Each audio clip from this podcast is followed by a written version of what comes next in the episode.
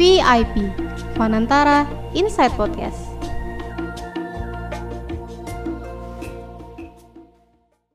Halo VIPers, welcome back to Fanantara Inside Podcast bersama aku Lima. Seneng banget akhirnya bisa kembali menyapa VIPers yang sudah nungguin dan rindu dengan pembahasan podcast baru dan seru di Fanantara Inside Podcast. Tapi kali ini aku nggak sendirian, aku ditemani sama Riha. Halo Riha. Halo Kalima, halo VIPers, jumpa lagi sama Riha. Anyway, aku ingin nyapa nih kepada sahabat lingkungan yang selama ini selalu mengikuti episode-episode terbaru Panantara Insight Podcast. Semoga kalian semua dalam keadaan baik. Karena pada tanggal 21 Februari nanti kita akan merayakan Hari Peduli Sampah Nasional, kira-kira Kalima sudah berkontribusi apa sih untuk menyelamatkan bumi dari sampah? Buat pertanyaannya, kalau cara aku untuk menyelamatkan bumi dari sampah, yaitu dengan aku sudah mulai melakukan hal-hal kecil nih, seperti membuang sampah pada tempatnya. Kalau Riha sudah berkontribusi apa untuk menyelamatkan bumi? Kalau aku berkontribusi dengan cara tidak menggunakan kemasan plastik sekali pakai. Karena berdasarkan data Indonesia National Plastic Action Partnership yang, di, yang dirilis April 2020, sebanyak 67,2 juta ton sampah Indonesia masih menumpuk setiap tahunnya. Dan 9 persennya atau sekitar 620 ribu ton masuk ke sungai, danau, dan laut. Di Indonesia diperkirakan sebanyak 85 ribu ton sampah dihasilkan perharinya dan perkiraan kenaikan jumlah mencapai 150 ribu ton perharinya pada tahun 2025. Jumlah ini didominasi oleh sampah yang berasal dari rumah tangga yang berkisar antara 60 hingga 75 persen. Hingga kini, masalah sampah di Indonesia masih menjadi polemik. Jumlah dan jenis sampah terus berkembang seiring pertumbuhan penduduk dan perkembangan teknologi. Namun, laju solusi pengelolaan sampah masih tertinggal jauh di belakang. Ini terbukti dengan produksi sampah yang mencapai 67,2 ton setiap tahunnya. Sampah organik masih merajai jenis sampah di Indonesia, yaitu sebesar 60 persen. Disusul sampah plastik 40, 14 persen. Lagi, berbagai TPA di wilayah Indonesia juga penuh seperti TPA Bantar Gebang di Bekasi, TPA Piungan di Yogyakarta, TPA Sarimukti di Bandung, TPA Terjun di Medan, dan TPA Suwung di Denpasar. Wah, udah dalam banget nih ya researchnya Riha. Tapi aku setuju sih, kenapa ya permasalahan sampah saat ini masih terus merajalela. Kok bisa ya? Hmm, untuk itu, VIP kali ini kita mau mengundang rekan dari Jakarta Sadar Sampah dan kita di sini akan belajar banyak tentang permasalahan sampah dan langkah-langkah yang sudah dilakukan Jakarta Sadar Sampah dalam menangani permasalahan sampah. Kalau gitu, tanpa lama-lama, yuk kita kulik bersama dengan organisasi yang mempunyai andil besar untuk menyadarkan masyarakat akan pentingnya untuk mengurangi sampah. Dan kali ini Fana Talented Podcast akan mengundang Kak Pandu selaku Strategic Partnership dari Jakarta Sadar Sampah. Halo Kak Pandu, apa kabar? Halo semuanya, selamat pagi, siang, sore, malam. Kapan pun kalian mendengarkan podcast ini, perkenalkan semuanya. Saya Pandu Satrio Pangarso. Saya dari Jakarta Sadar Sampah sebagai Strategic Partnership Uh, terima kasih untuk Fanantara Insight Podcast sudah berkenan untuk mengundang saya.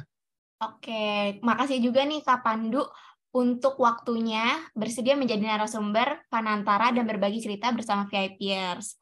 Kak, uh, sebelum kita ngobrol-ngobrol banyak nih, kita mau kenalan dulu dong sama Jakarta Sadar Sampah. Boleh nggak diceritain gimana sih terbentuknya Jakarta Sadar Sampah? Serta tujuan dari Jakarta Sadar Sampah. Silakan Kak. Terkait uh, pengelolaan sampah ya, jadi uh, Jakarta Sadar Sampah sendiri mempunyai hashtag yaitu kurangi, pilah, olah yang nanti mungkin bisa kita bahas lebih lanjut ya.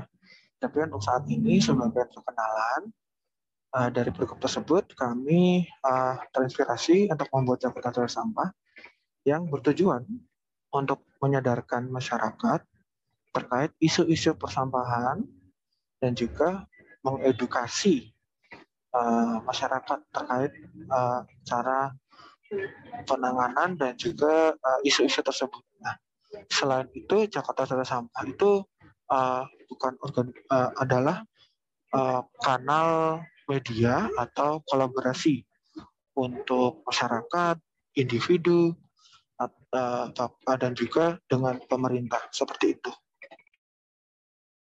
Wah, ternyata terbentuknya dari peraturan pemerintah ya Kak. Seru juga nih. Nah, oh iya Kak, untuk mencapai sebuah tujuan tersebut, tentunya kan ada kegiatan-kegiatan yang Jakarta Sadar Sampah lakukan. Kalau boleh tahu nih, kegiatan apa aja sih yang udah dilakukan oleh Jakarta Sadar Sampah dalam dalam menangani dan mencegah sampah yang menumpuk yang sedang terjadi di DKI Jakarta? Uh, untuk Jakarta Sadar Sampah sendiri, sebagai kanal media uh, informasi dan juga kolaborasi, kami secara utama uh, setiap harinya berusaha sebaik mungkin untuk mengedukasi masyarakat followers kami ya dan juga terutama masyarakat Jakarta terkait isu-isu persampahan. Jadi isu-isu persampahan itu maksudnya bagaimana sih? Nah, itu bisa dimulai dari jenis-jenis sampah. Nah, seperti yang kita tahu, atau mungkin untuk yang belum tahu juga ya apa-apa. Untuk sampah itu untuk saat ini dibagi menjadi beberapa jenis seperti organik, anorganik, ah, ada juga plastik, ada juga B3. Nah, seperti itu. Nah, kami selain memberitahukan terkait perbedaan-perbedaan uh, jenis sampah tersebut, kamu juga memberikan cara uh, menanganinya seperti mungkin untuk sampah plastik bisa didaur ulang. Nah, untuk sampah organik yang seperti uh, yaitu sampah-sampah sisa makanan, terutama ya uh, itu bisa dijadikan uh, pupuk ekoenzim atau nanti bisa jadi makanan uh, maggot black soldier fly. Nah, untuk ini mungkin nanti bisa sebagai apa ya penjelasan lebih lanjut ya nanti di uh, diskusi selanjutnya Oke, menarik nih Kak. Pastinya kan kegiatan-kegiatan tersebut dilakukan secara berkala. Uh, biasanya sistem apa sih Kak yang Jakarta Sadar Sampah lakukan selama melakukan aksi-aksi tersebut? Kalau kita melibatkan anak muda, generasi milenial melalui media sosial, offline secara langsung, atau gimana nih Kak yang dilakukan oleh Jakarta Sadar Sampah? Oke, nah untuk kami uh, secara utama kami uh, membuatkan konten informatif ya Mbak ya di uh, akun Instagram kami. Uh, September uh, 2022 kami berkesempatan dengan salah satu komunitas yaitu Jakarta Osoji Club dan juga dengan pemerintah uh, Dinas Lingkungan Hidup Jakarta, kami berkesempatan untuk melakukan talk show di acara ini Jakarta di Kota Tua. Nah, dalam kesempatan tersebut kami mengajak beberapa relawan untuk selain bergabung pada acara petik sampah yang dilakukan oleh Jakarta Osoji Club di acara tersebut juga kami mengajak para relawan tersebut untuk belajar bersama dengan Jakarta Osoji Club dan juga dengan pemerintah Dinas Lingkungan Hidup terkait uh, sampah organik di acara talk show dengan tema makan sampah. Di acara talk show ini kami mengupas habis terkait uh, sampah organik itu seperti apa, jenis-jenis apa saja, lalu apa saja yang bisa dilakukan dengan sampah organik tersebut agar terurai secara 100% dengan baik dan juga bermanfaat jadi tidak uh, berhenti di TPST Bantar Gebang seperti yang sebelumnya sudah dijelaskan oleh Kak Lima bahwa sampah organik itu mempunyai porsi yang sangat besar atau bisa dibilang porsi yang terbesar ya di di, menjadi sampah dengan porsi terbesar di TPST Bantar Gebang. Nah, untuk cara menguranginya atau membantu menguranginya itu bagaimana? Nah, kami melakukan tema makan sampai habis. Dasarnya itu kan kalau sampah organik itu kan dari sampah sisa makanan ya, gampangan. Nah, apabila kita makan sampai habis itu sudah secara tidak langsung membantu mengurangi sampah organik di TPS Bantar Gebang. Lalu bagaimana kalau misalnya masih ada sisa? Nah, bisa untuk sayur-sayur dan atau untuk buah-buahan terutama ya bisa dijadikan eco energy untuk nanti sampah-sampah sisa lainnya bisa menjadi uh, makanan untuk maggot BSF atau black soldier fly. Nah, maggot black soldier fly ini ada nilai ekonominya karena ada nilai ekonomi ini uh, bisa menjadi salah satu mata pencarian nih untuk uh, untuk kita semua mata pencarian tambahan ya. Jadi selain membantu mengurangi makanan organik di lingkungan sekitar juga menjadi bisa menjadi mata pencarian tambahan. Oke, aku setuju banget sih kalau sampah organik itu uh, memiliki peran yang sangat besar, apalagi biasanya sampah organik ini dihasilkan oleh limbah-limbah domestik atau rumah tangga. Nah, kapan du kalau selama ini nih dalam melakukan kegiatan-kegiatan atau aksi-aksi dengan Jakarta Sadar Sampah, pastinya kan nggak mudah nih untuk uh, raise awareness ataupun meningkatkan kesadaran dari masyarakat untuk peduli akan sampahnya. Aku pengen tahu nih Kak, ada nggak sih tantangan yang dilalui oleh Jakarta Sadar Sampah selama menyuarakan dan mengajak masyarakat Indonesia khususnya Jakarta untuk lebih peduli akan lingkungan terlebih tentang sampah yang masih menjadi polemik ini. Silakan Kak. Baik, terima kasih Mbak. Nah, kalau tantangannya sebetulnya menurut kami ya, tantangannya itu hanya satu Mbak, yaitu mengubah tabiat atau sifat yang sudah mendarah daging di masyarakat Jakarta. Namun tidak hanya masyarakat Jakarta saja yang menurut saya namun di masyarakat uh, Indonesia atau mungkin di seluruh dunia secara keseluruhan. Karena uh, sifat atau tabiat yang ingin kami ubah adalah uh, tidak membuang sampah sembarangan. Nah, menurut kami itu adalah tantangan yang cukup besar, namun tidak berarti tidak bisa ya. Uh, dengan mengedukasi setiap hari, lalu dengan melakukan kolaborasi, dengan berbagai kolaborator, dengan berbagai masyarakat individu, dan juga dengan pemerintah, kami harap hal tersebut dapat menginspirasi uh, masyarakat untuk ikut uh, ambil bagian menjaga kebersihan uh, di lingkungan minimal kebersihan di rumah sendiri. Jadi misalnya mungkin uh, tidak membuang sampah sembarangan di rumah atau mungkin bahkan sampai di kamar sendiri ya. Kadang-kadang kan ada tuh kita males um, apa namanya males buang sampah di kamar terus ya udah asal aja lempar di lantai gitu ya. Nah mungkin dari situ uh, bisa dimulai dengan secara tidak malas-malasan membuang di tempat sampah sendiri seperti di tempat di tempat sampah di kamarnya atau mungkin di rumah seperti itu mbak. Iya benar, aku setuju banget sih. E, cara merubah orang itu memang gak gampang ya. Maksudnya karena di rumah kita sendiri pun sering banyak uh, kejadian gitu kayak lingkungan sekitar kita gitu banyak banget orang yang masih buang sampah sembarangan mulai dari kalangan-kalangan uh, yang kecil sampai yang sudah dewasa pun masih kadang ditemukan banyak banget yang buang sampah sembarangan. Uh, next question nih kak, pasti udah banyak banget ya aksi yang dilakukan oleh Jakarta Sadar Sampah untuk mengedukasi masyarakat tentang sampah. Nah, eh, aksi apa sih atau kolaborasi seperti apa yang paling berkesan menurut Jakarta Sadar Sampah? Oke, terima kasih. Untuk kolaborasi paling berkesan, menurut saya pribadi ya, kalau mungkin tim lain, mungkin anggota tim lain punya uh, kesan yang berbeda. Tapi menurut saya, karena saya sendiri sebagai apa ya pembicaranya yaitu ya seperti yang tadi saya informasikan adalah talk show di Kota Tua bersama uh, Jakarta Osodi Club dan juga dengan pemerintah uh, uh, dinas lingkungan hidup yang membahas tentang sampah organik.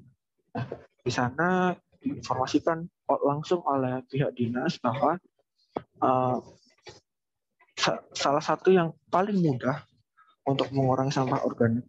Jadi selain memakan, jadi selain kampanye dari JS dari Jakarta Store Sampah yaitu makan sampai habis, adalah dengan me, me, apa namanya memberikan sisa-sisa sampahnya yang tidak habis ke uh, maggot atau apa ya? Bahasa Indonesia mungkin belatung ya jadi kurang kurang enak mungkin ya kalau didengar ya. Mungkin uh, itu maggot uh, black soldier ya. Black, black maggot black soldier fly itu apa sih? Nah maggot black soldier fly itu adalah uh, untuk secara halusnya ya itu tuh uh, makanan ternak. Gampangnya seperti itu. Nah apa yang membuat maggot black soldier fly ini spesial dari makanan ternak yang lain?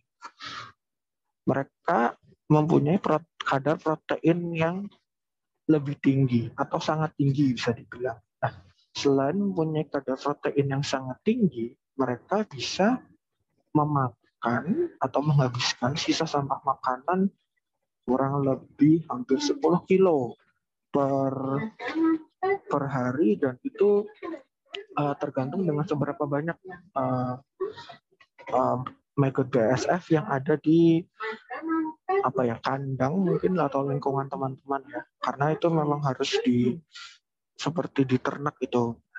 Dengan seperti itu selain mengurangi sampah organik teman-teman bisa uh, menjual maggot BSF-nya ke ternak ke pedagang ternak uh, ke peternak-peternak ya karena proteinnya tinggi, otomatis ternak itu juga makin sehat. Nah, karena kalau ternak makin sehat, hasil ternaknya pun juga makin bagus. Hasil makin bagus, penjualan ternak pun uh, secara apa ya, secara konsepnya semakin tinggi dan semakin bagus juga. Jadi uh, menurut saya ini adalah solusi yang sebetulnya win-win solution. Jadi nggak ada yang salah gitu. Nah, selain maggotnya, itu kan maggot itu nanti akan itu kan maggot kan um, itu ya fase masih kecil. Nah, fase dewasanya adalah dia menjadi black soldier fly. Nah, black soldier fly itu saat mati itu nanti juga ada uh, manfaatnya yaitu menjadi kompos alami. Jadi sebetulnya uh, siklus hidup dari maggot BSF ini 100% dapat dimanfaatkan.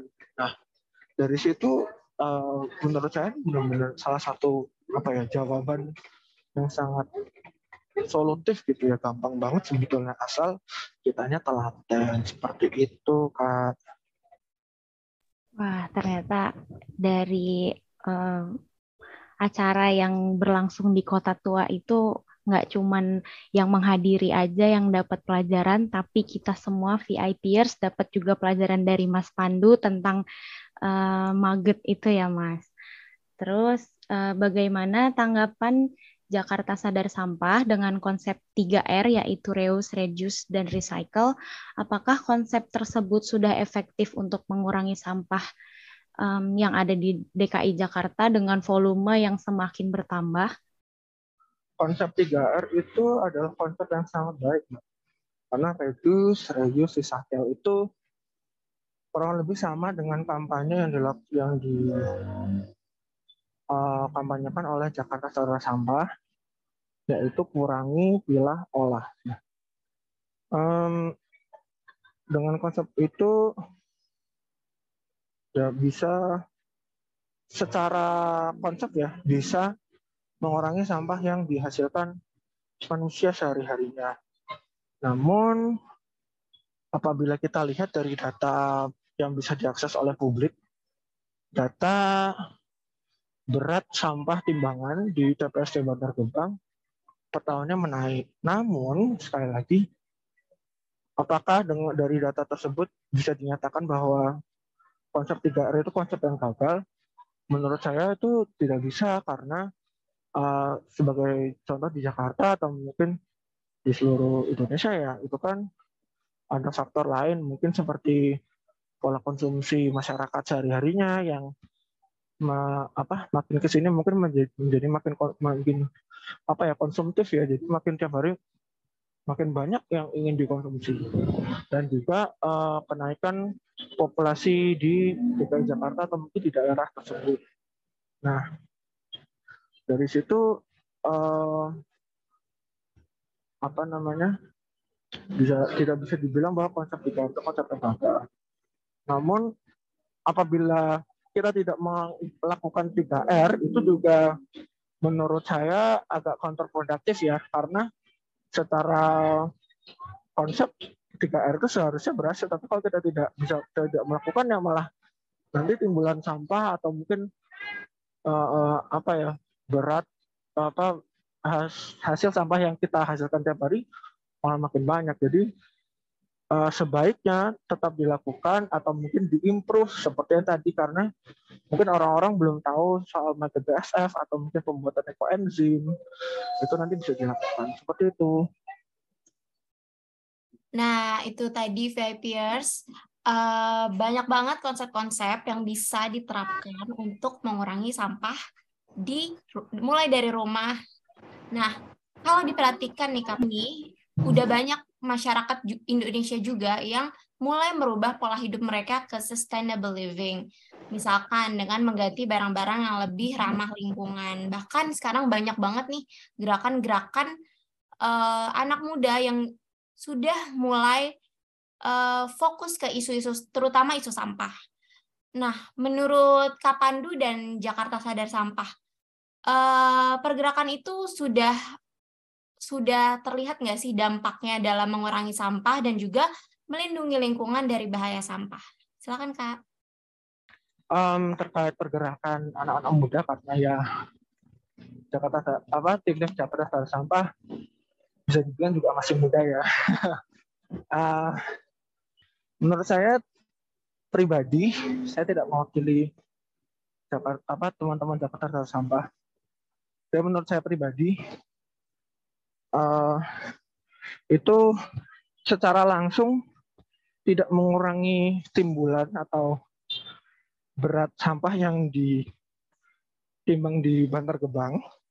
Namun, aksi-aksi tersebut 100% menurut saya membantu menyadarkan generasi-generasi muda, tapi tidak hanya generasi-generasi muda, namun generasi-generasi lainnya seperti generasi mungkin yang lebih tua atau mungkin yang lebih muda lagi. Jadi kalau saya lihat uh, mungkin di IPRs atau Kak Lima atau Kak Riha tahu tentang pada Wara Group. Nah, itu kan yang sekarang ini lagi viral ya. Nah, saya tuh tiap hari selalu mantengin uh, um, Instagramnya. Itu saya lihat dari gerakan mereka yang tiap hari membersihkan sungai-sungai itu menginspirasi generasi-generasi lain atau uh, generasi-generasi lain. Jadi tidak hanya generasi mereka saja yang kelihatannya mungkin mereka masih kuliah atau sudah kerja ya, tapi saya lihat ada SD di daerah man di daerah di luar daerah itu yang terinspirasi oleh mereka dan ikut membersihkan sungai bersama guru-guru mereka. Nah, jadi mungkin tidak secara langsung membantu mengurangi sampahnya, tapi menyadarkan uh, masyarakat bahwa kita itu harus peduli sama sampah, uh, sama sampah di sekitar kita. Karena kalau enggak, siapa lagi gitu yang akan peduli sama mereka? Seperti itu, kak. Oke, setuju. Kalau memang pergerakan-pergerakan itu dari masyarakat, khususnya generasi muda, itu sangat membantu uh, meningkatkan kesadaran masyarakat uh, akan sampah. Kak, Pandu, di 21 Februari nanti kita akan eh, merayakan Hari Peduli Sampah Nasional nih Kak. Dari Jakarta Sadar Sampah sendiri, apa, apakah ada nih Kak kegiatan khusus di Hari Peduli Sampah Nasional nanti dan juga boleh gak Kak uh, mungkin dikasih sneak peek-nya nih program-program apa aja sih di tahun 2023 ini yang akan dijalankan oleh Jakarta Sadar Sampah. Oke, terima kasih Kak. Nah, uh, untuk HPSN atau Hari Peduli Sampah Nasional 2023 di tanggal 21 Februari sebetulnya kami tidak ada karena itu kan di weekdays ya.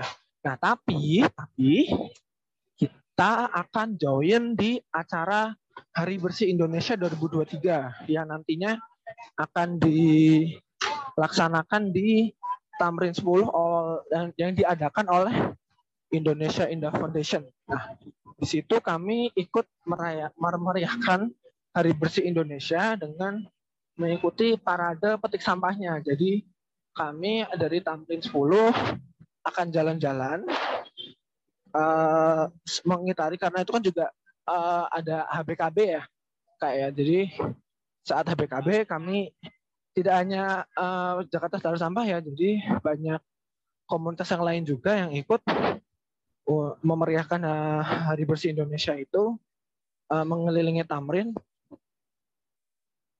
petik uh, mengelilingi Tamrin dan memetik sampah sekalian berkampanye terkait apa ya kesadaran sampah seperti itu. Jadi karena seperti apa ya slogan kami sebelumnya yaitu sampah tanggung jawab bersama gitu.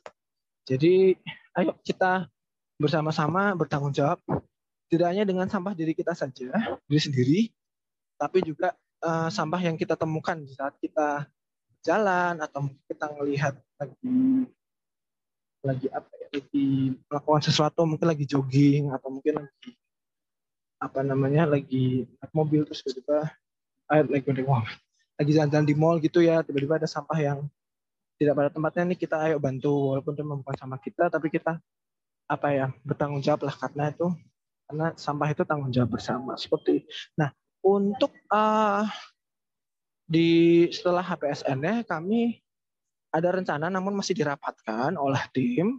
Namun nantinya uh, kami akan merayakan Hari Lingkungan Hidup 2023 nah untuk detailnya saya belum bisa memberikan karena juga kami masih menggodok ya, masih brainstorming bersama-sama terkait apa yang akan kita lakukan, bagaimana itunya.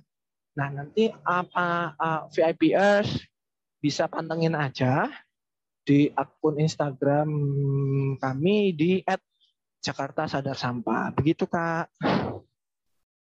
Wah kelihatan bakal seru banget ya kak acara kolaborasinya nanti. Oh iya nih Kak Pandu, sebelum obrolan kita selesai, ternyata seru banget ya bincang podcast kali ini dan ternyata uh, kita sudah hampir sampai di penghujung acara. Dari Jakarta Sadar Sampah, uh, kira-kira ada pesan yang ingin disampaikan kepada masyarakat Indonesia, khususnya kaum milenial yang berkaitan dengan uh, kepedulian dan uh, isu sampah? saya tidak ingin menargetkan kaum milenial saja ya kak. Saya ingin menargetkan seluruh belahan masyarakat bahwa sampah itu tanggung jawab bersama. Nah, apabila masih dia merasa sulit ya untuk uh, apa ya menangani sampahnya sendiri, mulai dari hal-hal kecil saja seperti yang tadi sudah diobrolkan oleh Kak Lima dan Kak Abiha, yaitu coba mulai membuang sampah pada tempatnya. Atau uh, bisa kan kadang saya sering sekali melihat bicara orang itu kalau kalau sudah misalnya sudah selesai minum langsung dibuang saja tidak jadi buang sembarangan nah dari situ kan bisa mungkin dicoba ditahan dulu disimpan dulu di tas lalu nanti setelah menemukan tempat sampah baru dibuang nah dari hal-hal kecil seperti itu saja uh, itu sudah sangat membantu dalam penanganan uh, sampah di lingkungan. Nah, jadi hal kecil gitu, seperti itu saya harapkan bisa menjadi hal-hal yang besar. Seperti itu, Kak. Oke, Kak Pandu. Nah, VIPers, dicatat ya tadi insight-insight dari Kak Pandunya. Nah, Kak, sebelum benar-benar kita selesai nih, Kak, gimana sih, Kak, caranya kalau kita mau terus catching up sama info-info terbaru dari Jakarta Sadar Sampah selain melalui Instagram yang tadi udah disebutin. Boleh di-share Kak mungkin eh, Jakarta Sadar Sampah ada sosmed atau misalkan grup yang VIP bisa selalu keep in touch dengan Jakarta Sadar Sampah atau bahkan kalau VIPers mau untuk ikut langsung kegiatan-kegiatan dari Jakarta Sadar Sampah. Oke Kak, nah, uh, untuk saat ini kebetulan kami itu baru membuka akun Instagram sosial media, uh, yaitu Instagram dengan handle at Jakarta Standar Sampah. Nah, namun mungkin untuk ke depannya uh, kita nanti akan mulai membuat grup relawan yang nanti bisa membantu kami dalam membuat apa ya konten-konten yang lebih menarik, yang mungkin lebih tertarget ke generasi-generasi milenial atau mungkin generasi yang lebih tua atau mungkin generasi yang lebih muda. Nah, selain itu juga nanti para relawan juga bisa membantu kami dalam uh, memeriahkan acara-acara seperti HPSN dan juga Hari Lingkungan Hidup. Nah, kebetulan untuk HPSN itu kami uh, beberapa hari yang lalu membuka relawan. Namun uh, buat VIPers, mohon maaf, yang mau join, mohon maaf, kita sudah tutup. Nah, mungkin nanti untuk hari lingkungan hidup, para VIPers bisa pantengin akun Instagram Jakarta Sadar Sampah, dan nanti bisa join sebagai relawan. Begitu Kak, terima kasih. Nah, uh, itu dia tadi uh, VIPers kalau mau terus uh, dapat update-update info dari Jakarta Sadar Sampah dan juga mau mungkin berpartisipasi langsung untuk uh, mengurangi sampah. Uh, kita juga nggak sabar banget nih nungguin update update dan info terbaru khususnya nanti kayaknya seru banget acara di Hari Peduli Sampah Nasional dari Jakarta Sadar Sampah. Di situ kita bisa belajar dan juga ikut andil dalam permasalahan sampah di Indonesia. Kita udah dapat banyak insight baru dan tentunya penting dan bermanfaat bagi kita untuk mengenal sampah. Tanpa dirasa, akhirnya kita sudah sampai di penghujung VIP episode kali ini. Makasih untuk Jakarta Sadar Sampah, Kak Pandu yang mau kita ajak diskusi hari ini. Dan jangan lupa Fanantara Insight Podcast akan hadir setiap bulannya dengan topik baru, narasumber yang inspiratif, dan pastinya berbeda di setiap episode dengan tema yang menarik. Oh ya, jangan lupa juga untuk follow Fanantara Insight Podcast di Spotify agar kamu nggak ketinggalan episodenya dan kamu juga bisa banget nih download dan dengerin podcast kita kapan pun dan di mana pun. Jadi siap-siap dengerin obrolan kita soal lingkungan dan alam karena menjaga lingkungan dan alam adalah kewajiban kita untuk keberlangsungan hidup di bumi tercinta. Kalau gitu, sampai di sini dulu episode VIP hari ini. Jika ada kritik dan saran, VIPers bisa banget nih kirim ke DM Instagram kita at fanantara underscore com. Aku Lima dan Riha pamit undur diri. Sampai jumpa dan keep healthy.